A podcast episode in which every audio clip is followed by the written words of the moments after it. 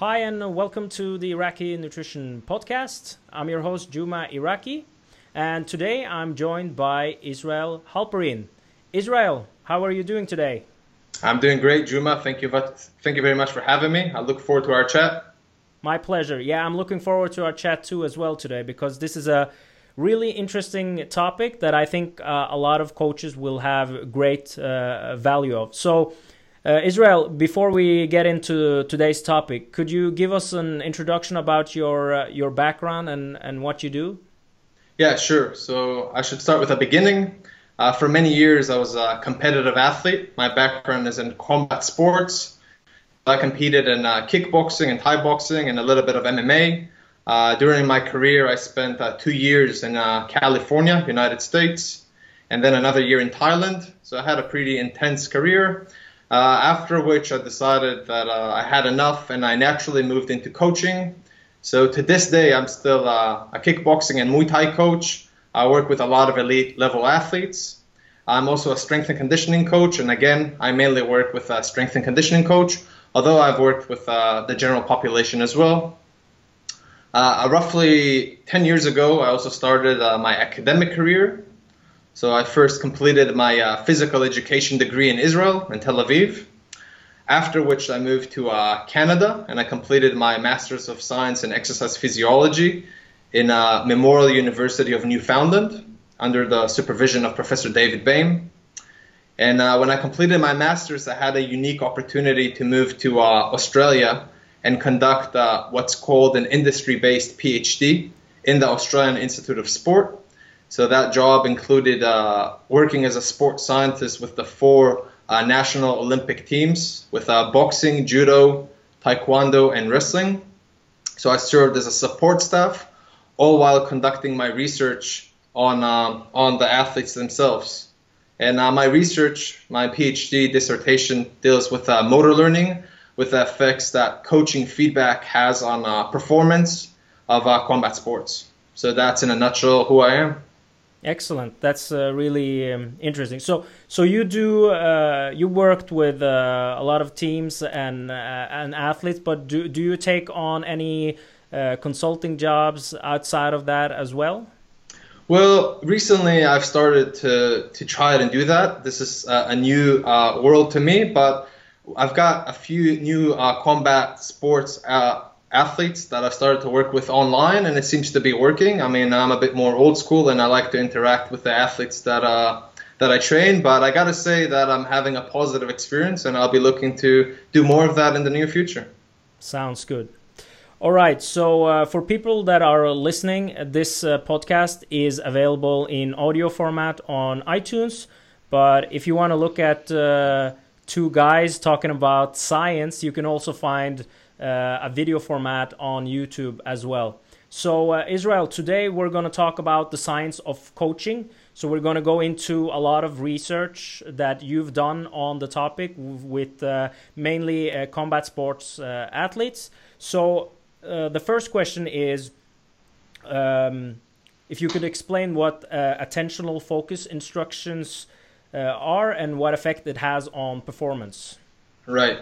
So even I should probably add before I start answering your question that one of the reasons I wanted to investigate this topic is my, due to my experience both as an athlete as in a coach. I have very clear memories of how some of the coaching feedback that I received in an athlete, how much it influenced my uh, success in competition, how much it influenced uh, my uh, status in training, and then I also uh, kept having the same questions: What feedback should I provide to the athletes I work with as a, as a coach?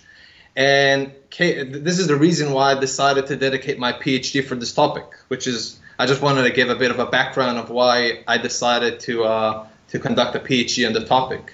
So one of the few, one of the uh, first feedback strategies that we've investigated, that I've investigated, is indeed what you described as attentional focus. So there's a lot of ways we can instruct and provide feedback to our athletes or clients. By the way, I should say that while my research was uh, mainly on combat sports, the conclusions hold true for anyone. Mm-hmm. They're also just for the normal, average uh, client that you're training at the gym, might whatever it is that I'm going to be talking about is just as relevant. And indeed, there's a lot of studies to show that. Uh, so going back to attentional focus, what we can do is just divide uh, feedback into two types of, uh, to distinguish between two types of feedback. One would be external and the other would be internal. So when internal feedback or internal instructions, which is actually quite self-explanatory, I provide feedback to the athlete and I'll ask them to focus on something with uh, to do with their body part. So for example, if you're doing a bicep curl, if you're doing just a dumbbell curl, if I'll ask you to focus on contracting your biceps, that would be an example of an internal feedback or an internal instruction. So essentially anything to do with your body part and you focusing on that body part or muscle group would be defined as internal focus. Where on the other hand, external focus instructions will lead you to focus on the effects that the movement has have on the environment. Or put differently, you're going to focus on anything to do uh, that's outside of yourself, that is not a muscle part. So, for example, if you go back to the uh, dumbbell curl example, if I'll ask you to focus on on lifting the dumbbell, so you're now focusing on the dumbbell, that would be an example of an external feedback instruction. Now, I should add that for the most part, coaches, personal trainers, physical therapists, athletic trainers, and so forth, uh, based on research that I have done and others, they mainly use in their uh, natural environment, they tend to rely on internal feedback. So they instruct their athletes or in their clients to focus on their muscles or their bones or their body parts, whatever it is that leads the clients to focus on themselves as they perform the exercise on the movement. Yet, uh, there's a, a, very large body of evidence showing that if we're after improving performance, then external focus is actually superior. Uh, leads to better, uh, for people to complete more repetitions, to lift heavier loads, to jump higher, uh, and essentially, any outcome measure that has been investigated has been thoroughly shown to be superior with external uh, focus instructions compared to internal ones. So you see there's a bit of a discrepancy in what's happening in the real world to what uh, uh research has been showing. And I've done a study with uh, that I can perhaps explain and describe here. Uh, and the AIS and the Australian Institute of Sport, in which I completed my uh, PhD, we have this device that uh, you can just punch. It's like a punching bag that's attached to the wall. The athletes punch it, and the device measures the punching forces and velocities. So I tested a cohort of elite and uh, and a sub-elite group of uh, of boxers and kickboxers, and I had them punch the punching integrator as hard and as fast as they can. On, and then on, on one instance, I told them that when they punch, to focus on moving their arm as fast and as forceful as they possibly can. Now, since I told them to focus on moving their arm, the arm is part of the self, which can be defined as an internal focus. Then, on a different occasion, I asked them to focus on punching the pad in front of them as hard and as fast as they possibly could. Now, mind you that in both occasions, the sentence structure was exactly the same. There's only two or three words that differed between the two conditions. And we're talking about elite level athletes that have been have a high mastery of this uh, of this um, task. Yet uh, we constantly uh, saw that with external feedback, the athletes punched both faster and more forceful. And we're talking about between uh, three to seven percent differences that are truly meaningful. There, that wasn't just a statistically significant effect; it was actually a practically meaningful one, especially when we when we consider the level of the athletes. So uh, I've I've conducted a few more studies of that nature and found similar effects. That is actually quite in line with uh, with what uh, many other studies have found. Now I should also note though that uh, just recently I met uh, Dr. Brad Schoenfeld, and he conducted a study to see uh, what. So he, he, approached it with uh, what he calls the mind-muscle connection, which is a bit more from a bodybuilding orientated. And he actually found for the first time, it was to my knowledge one of the very first longitudinal studies, that he, he uh, compared external compared to internal instructions on uh, muscle hypertrophy. and he actually found slightly superior effects with internal focus compared to external ones. So it does seem that bodybuilders were right in that regard. So if you are looking at for hypertrophy, internal focus might actually be superior. But if you're looking to improve your performance, and by that I mean lifting heavier loads, getting more repetitions in, jumping faster, and so forth. And also, I should add that if you're also um, looking to improve your motor learning and to improve your skill in a more efficient manner, then external focus seems to be where you want to go.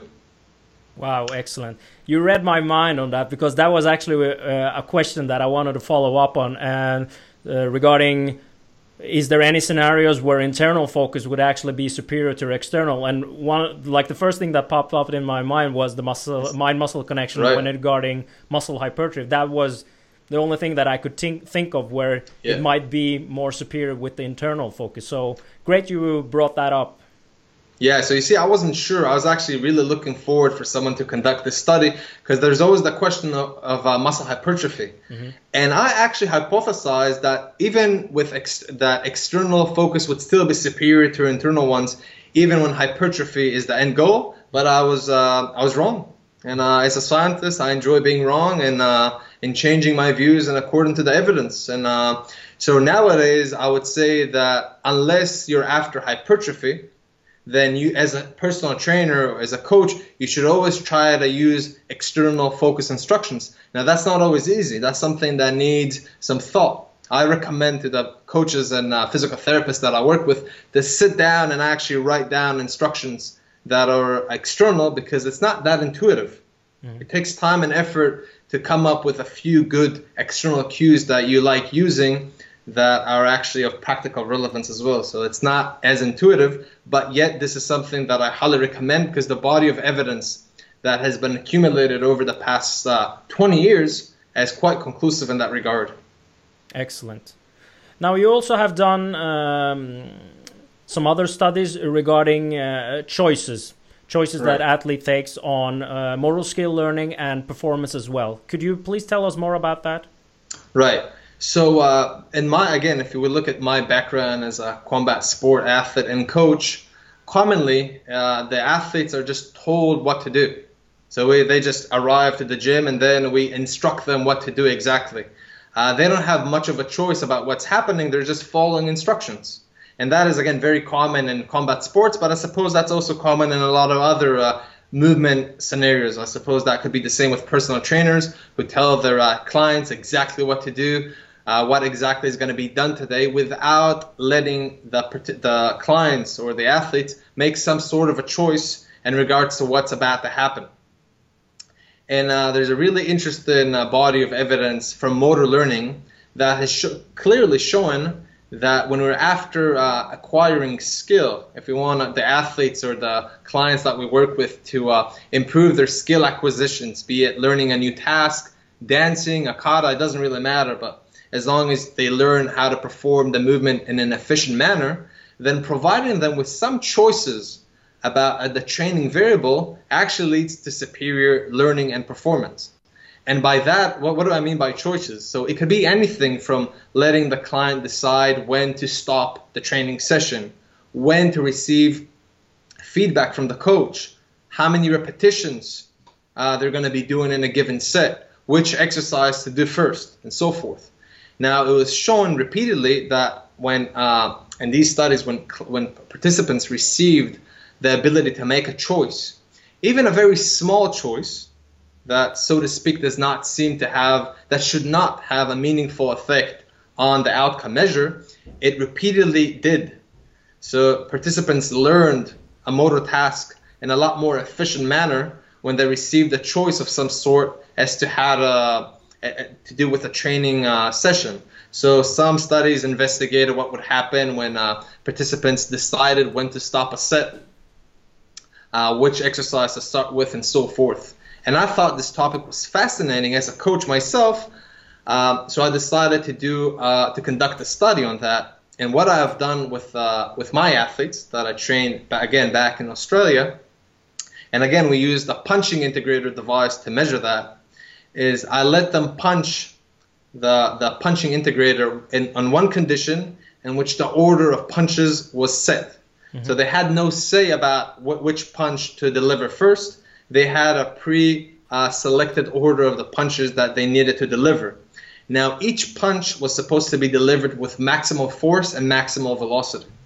Now, mind you that these, these athletes are tested on a routine basis, so they're highly motivated.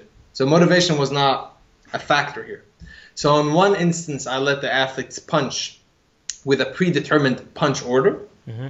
So, for example, three lead straights, followed by three lead uh, straights, followed by three lead hooks, and so forth. And then on the choice condition, I asked them to punch again as hard and as fast as they could, just like the previous condition.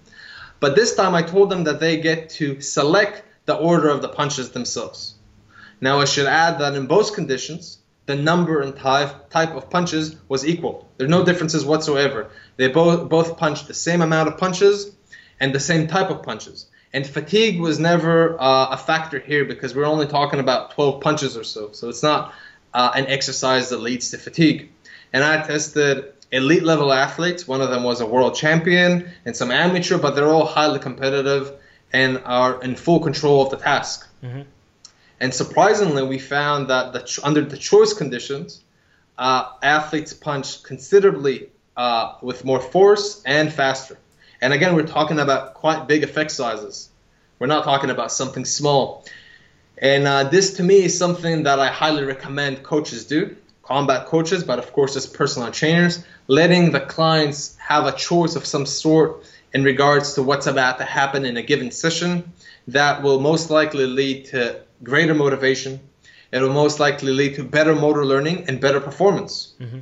So, uh, and then some of the feedback I get when I when I when I uh, when I lecture about this topic is like, well, how much of a choice is enough? And the answer to that, to that is that it doesn't really matter. It could be a really small and insignificant choice that we provide our clients to actually have a meaningful difference.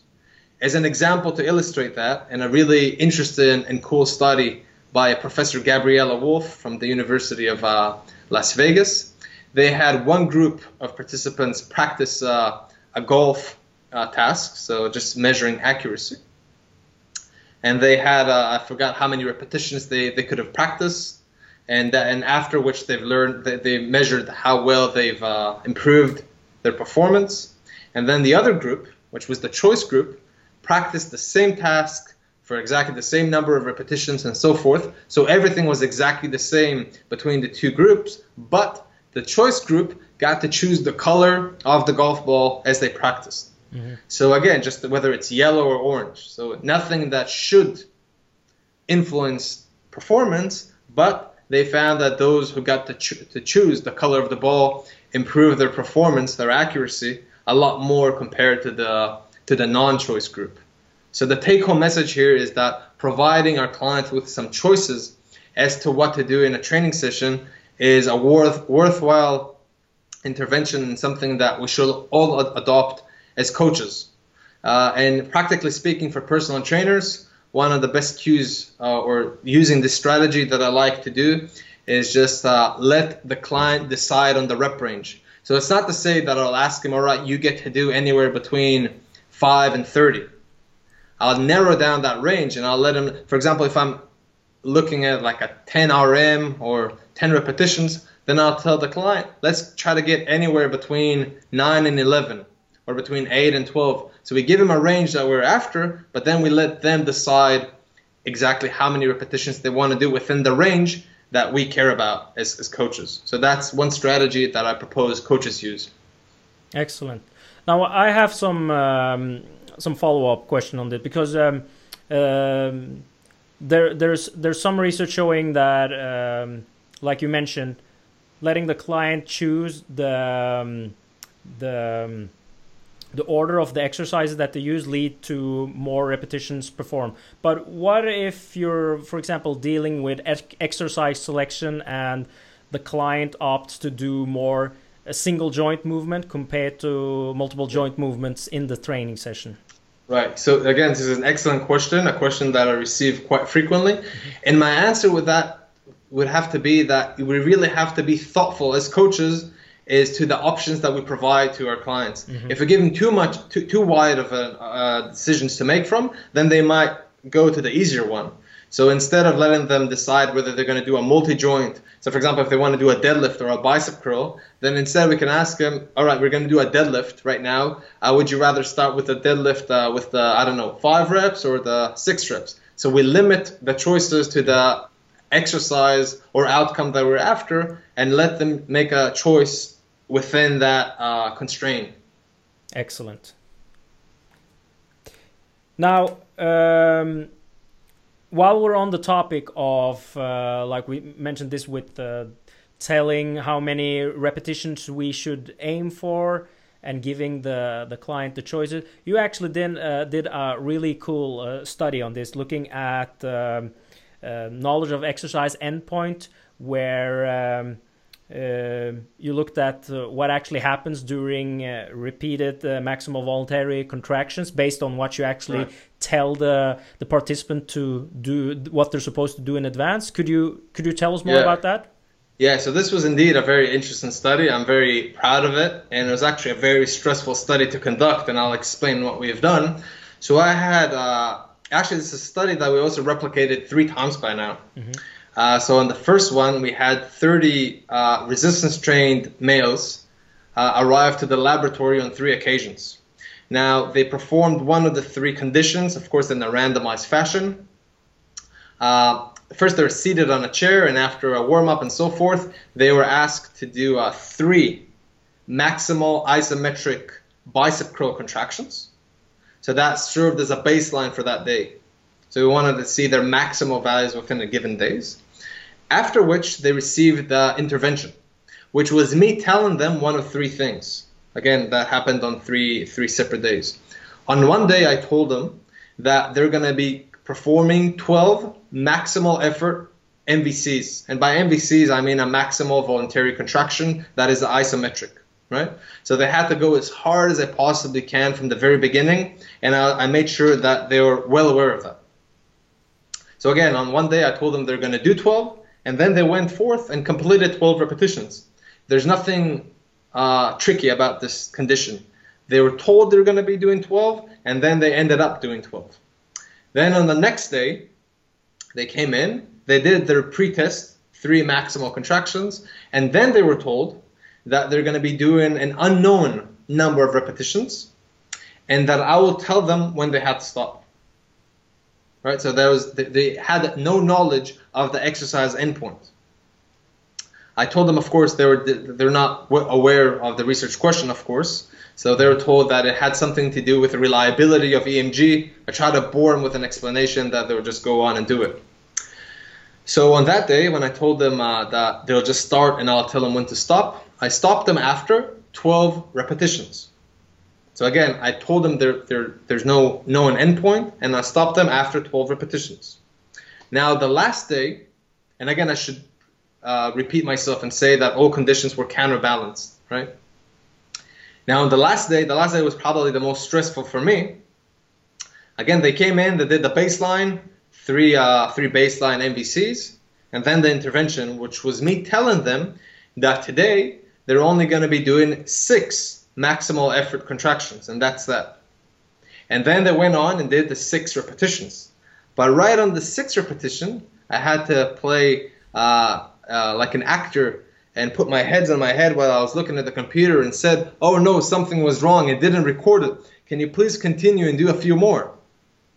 So then they ended up doing a few more repetitions. So essentially, they ended up doing six more, which ended up on that day that they did 12 repetitions as well. Mm-hmm. So all in all, on each and every day, they completed 12 repetitions, and on each day they were asked to uh, go full out, to hold nothing back, and perform to the best of their abilities. So on a physiological basis, then we should see all days overlap. There should be no differences between the days because again, they're asked to go as hard as they possibly can, and they perform 12 repetitions. Yet the, their prior knowledge of the exercise point had a considerable effect on what they ended up doing.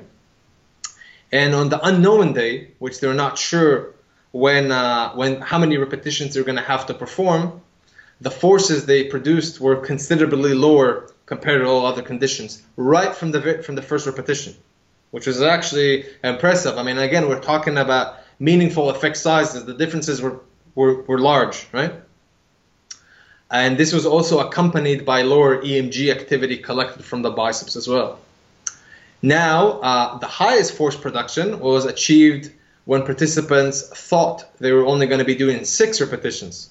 Because perhaps what was going through their minds is like, well, I'm only going to be doing six. I might as well go as hard as I possibly can. And we saw, again, considerably force differences uh, on that condition, com- especially compared to the unknown condition. We're talking about 5 6%. And in, in an isometric contraction, that is actually a large difference. And then somewhere in the middle was the 12 repetition condition that they thought they're just going to be doing 12 and they ended up doing 12.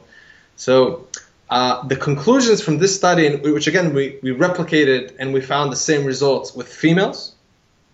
We thought that perhaps we'll see some differences between males and females, which we didn't. And interestingly enough, we also replicated the study with young uh, females that were about they're adolescent, mm-hmm. and with them we did not find such effect. I mean, the forces, the three conditions, completely overlapped, mm-hmm. which was really interesting. Yeah.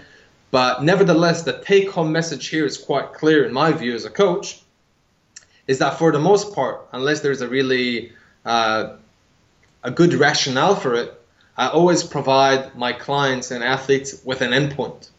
And this is something that I actually see quite often in uh, different gyms that a coach will tell their athletes or their clients something along the lines of, all right, you can just start, I'll tell you when to stop. And if you do something like that, then you deprive the client with an exercise endpoint and uh, based on the findings of my study, then we should predict that their performance is going to be lower. They're going to hold back because they don't know what to happen. They cannot pace themselves. Mm-hmm. So we as humans, it's better for us to have an endpoint so we can distribute our forces and just kind of pre-plan. We can discuss whether this happens consciously or subconsciously. I don't know. This perhaps is uh, still up there in the air, and it's a difficult question to investigate. But nevertheless, we do know that it happens. So my uh, take-home message from this study is uh, to provide our athletes with an endpoint. How many sets, how many reps? Don't just tell them to start and don't give them an endpoint. An endpoint actually helps improve performance. Yeah, excellent. It's basically like driving in uh, unknown area. Like if you know the area, you're probably going to go faster. But if you don't know the area really, you're not going to go as fast because you don't know where you're actually gonna end up. That's actually, I gotta say, it's the first time I've heard this analogy, and I love it. I think yeah. it makes really good sense. Yeah. So yeah, good one. Yeah.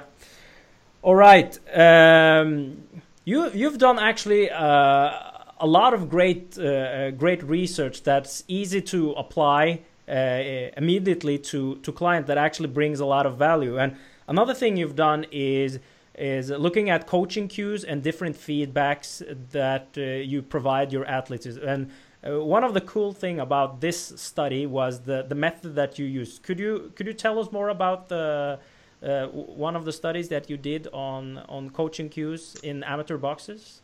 Yeah, so th- this study was, uh, I think I, I, briefly touched it on the beginning of our chat, mm. is uh, I actually wanted to see what happens in real life. I mean, we've got all these cool research showing that one feedback is perhaps superior to the other. So, for example, external is superior to internal, in choices is superior to no choices, and so forth. But I wanted to base my research on actual data that happens in real life. It's important for me because I want to ask questions that are of relevance. Mm-hmm. So uh, at the 2015 National Championships in amateur boxing in Australia, I uh, went there a bit nervous with just so my research uh, tools were just my recorders. I bought I brought with me three recorders, and then I approached I hesitantly approached all the boxing coaches that were there. And again, mind you, this was a really important competition prior to Rio and so forth. This is a national uh, championships in amateur boxing. And I asked the coaches if they, if they would mind that I would attach the microphone to their shirt and actually record the type of feedback they provide their athletes with between rounds of competition. And fortunately, and surprisingly even, I had a 12 uh, coaches agree for that. So what happened is that right before they uh, their athletes uh, started competing, I attached a microphone to their shirt right here, and I just re- recorded freestyle recorded, and I ended up recording. I think it was uh, I don't have it on the top of my head. We actually published this study, but we ended up recording. Uh, I think it was 26 bouts overall, which is a fair few, I think. And then I had to transcribe all the feedback that I recorded. It took me many many hours because I had to listen to it, and so that wasn't fun. Mm-hmm and then we actually analyzed the type of feedback that coaches provided to their athletes, and we try to see whether the feedback they provided was, was actually matched with performance, with, with the outcome.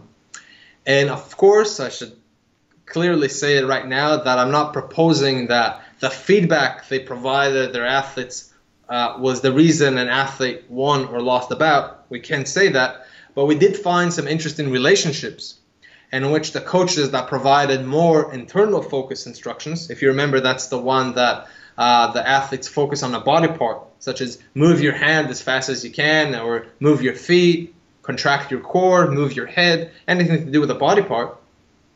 So we noticed that coaches that provided more internal feedback, their athletes tended to lose the bout more frequently.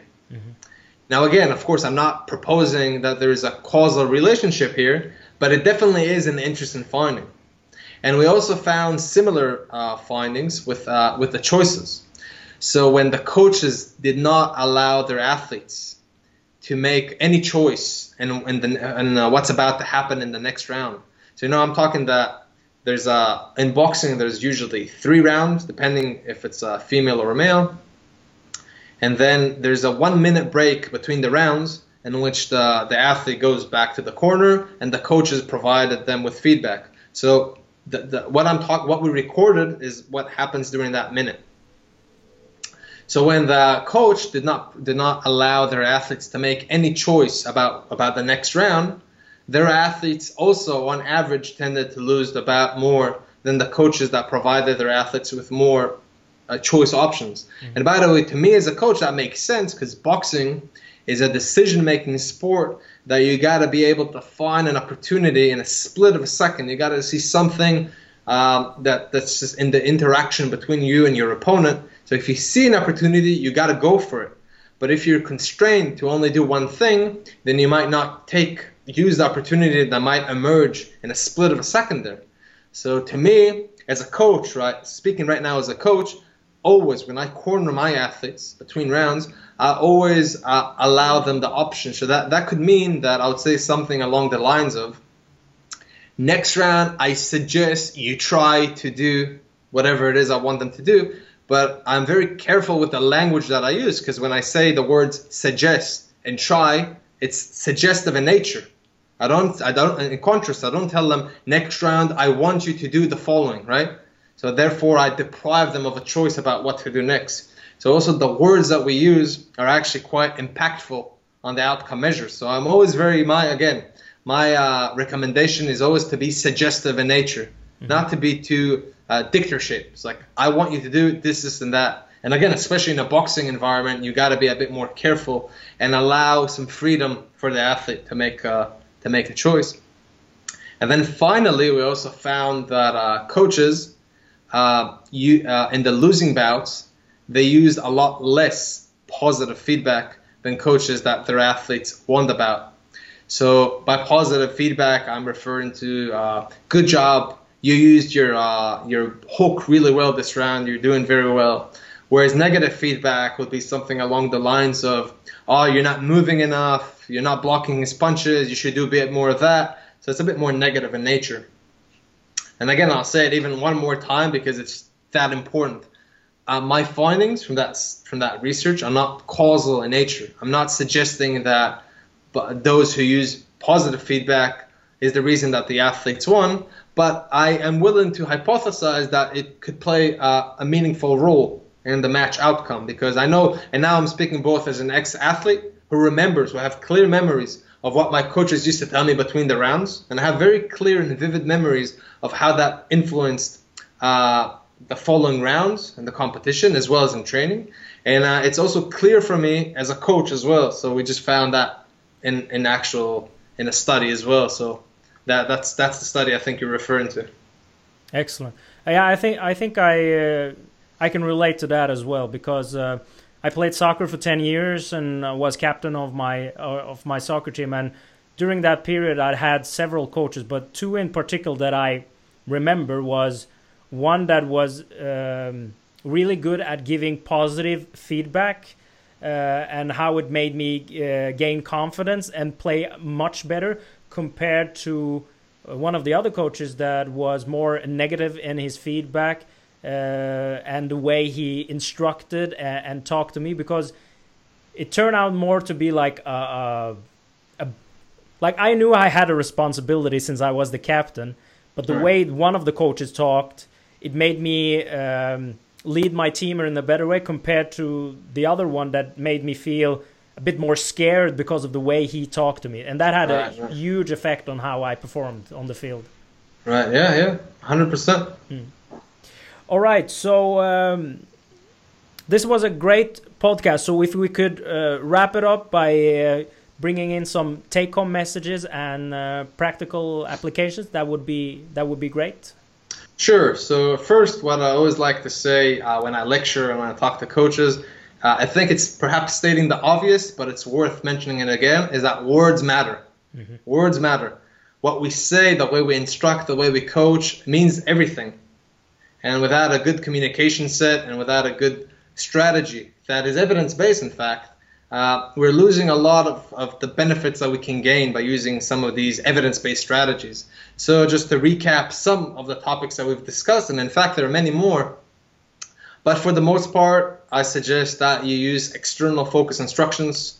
So, as an example, focus on the dumbbell, focus on the barbell, focus on the distance, any external object that you can focus on, that you can structure your instructions around that, will most likely lead to better performance. Again, though, if your hypertrophy is what you're after, uh, then I'm a bit more hesitant. And in fact, I would say that internal instructions, so focus on squeezing the biceps, might be a, a, better strategy. Although I'd be happy to see a few more studies on that before I uh, come to uh, I reach a, a, strong conclusion. Mm-hmm. Uh, my, the next one is the choices. Always provide some sense of a choice to your clients. It doesn't have to be a big one, and of course, it's case dependent. There's no cookie cutter answers to to how you should do it right? Because some, I can give you an example that I've got one athlete that I worked with, a boxer, that is very responsible and is very opinionated. And in fact, I think that his options actually go quite well with how I view things. So he likes to tell me what he thinks should be done, and for the most part, I agree with him. And it doesn't threaten my ego that the ideas come from him. We're beyond that, right? We're working together towards a shared goal, so it doesn't bother me. Where I work with another boxer, the same level, right? They're both internationally ranked, who hates making decisions, but doesn't like making choices. So I'm not going to force that on him. I tried, you know, I work, I work according to an evidence-based approach that I integrate research and my experience and the client's preferences. And his preference, his specific preferences, is that I make more of the decisions for him. Now we've tried, and I saw it. So it's it's not to say that there's any rules that cannot be broken, but for the most part, my recommendation is to try to allow your clients to have some choice as to what it is that you're doing. Now that could be in regard to the exercise selection, exercise order, number of repetitions, and so forth. You can use your imagination, and of course, you're going to have to match it with your client's needs and preferences. Uh, third, I would also uh, recommend that for the most part, you provide your clients with an exercise endpoint. Tell them how many repetitions they're going to be doing, how many sets, because based on my research and others, uh, this tends to improve performance because participants are able to pace themselves. They're going to be able to come up with a strategy as to how they're going to distribute their efforts. And if they don't have that, they're perhaps again, we don't know whether it's consciously or subconsciously, but they're going to be a bit more hesitant and reluctant to demonstrate their full uh, capacity. So that'll be the third one. And then there's another one which we haven't discussed explicitly, but I did mention it, is that positive feedback for the most part, you want to use positive feedback. And that, again, instead of doing, oh, you're not doing this right, how about you emphasize what they should be doing? Mm-hmm. Instead of showing, if, for example, instead of telling someone, uh, your knees are collapsing, that has a negative uh, association with that, how about you tell them to move their knees to the outside? Now, I wouldn't say that because that's internal focus, but I just wanted to get the point across, right? Mm-hmm. Instead of what you shouldn't be doing, what should you be doing, right? Mm-hmm. Yeah. So uh, I think these are the the few take home messages uh, based on what we've discussed today. Excellent. I think this has been uh, a great podcast. Thank you so much for uh, taking the time to be on the podcast today. Uh, because a lot of the things that you you talked about has great value. Even though you've done a lot of the research on combat sport, it has a lot of great values to any coach that works with clients and and and athletes. So thank you so much for uh, bringing so much uh, value to the field and uh, if people want to um, reach out to you or find more information about you, is there any place they can uh, find you on the internet? Well, I don't have a working website. It's something that I should get to, I suppose, in the near future. But I am quite active on Facebook, and you can just look up my name, Israel Halperin. And I also have a ResearchGate webpage in which I've uploaded all my studies. So if you're interested in reading some of the the research uh, studies that we've talked about today, they can just look me up on ResearchGate and, and download them. Yeah. Excellent. Once again, uh, Israel, thank you, thank you so much for taking the time, and uh, I uh, wish you a continued uh, pleasant stay in uh, in Tel Aviv until you move back to back to Canada.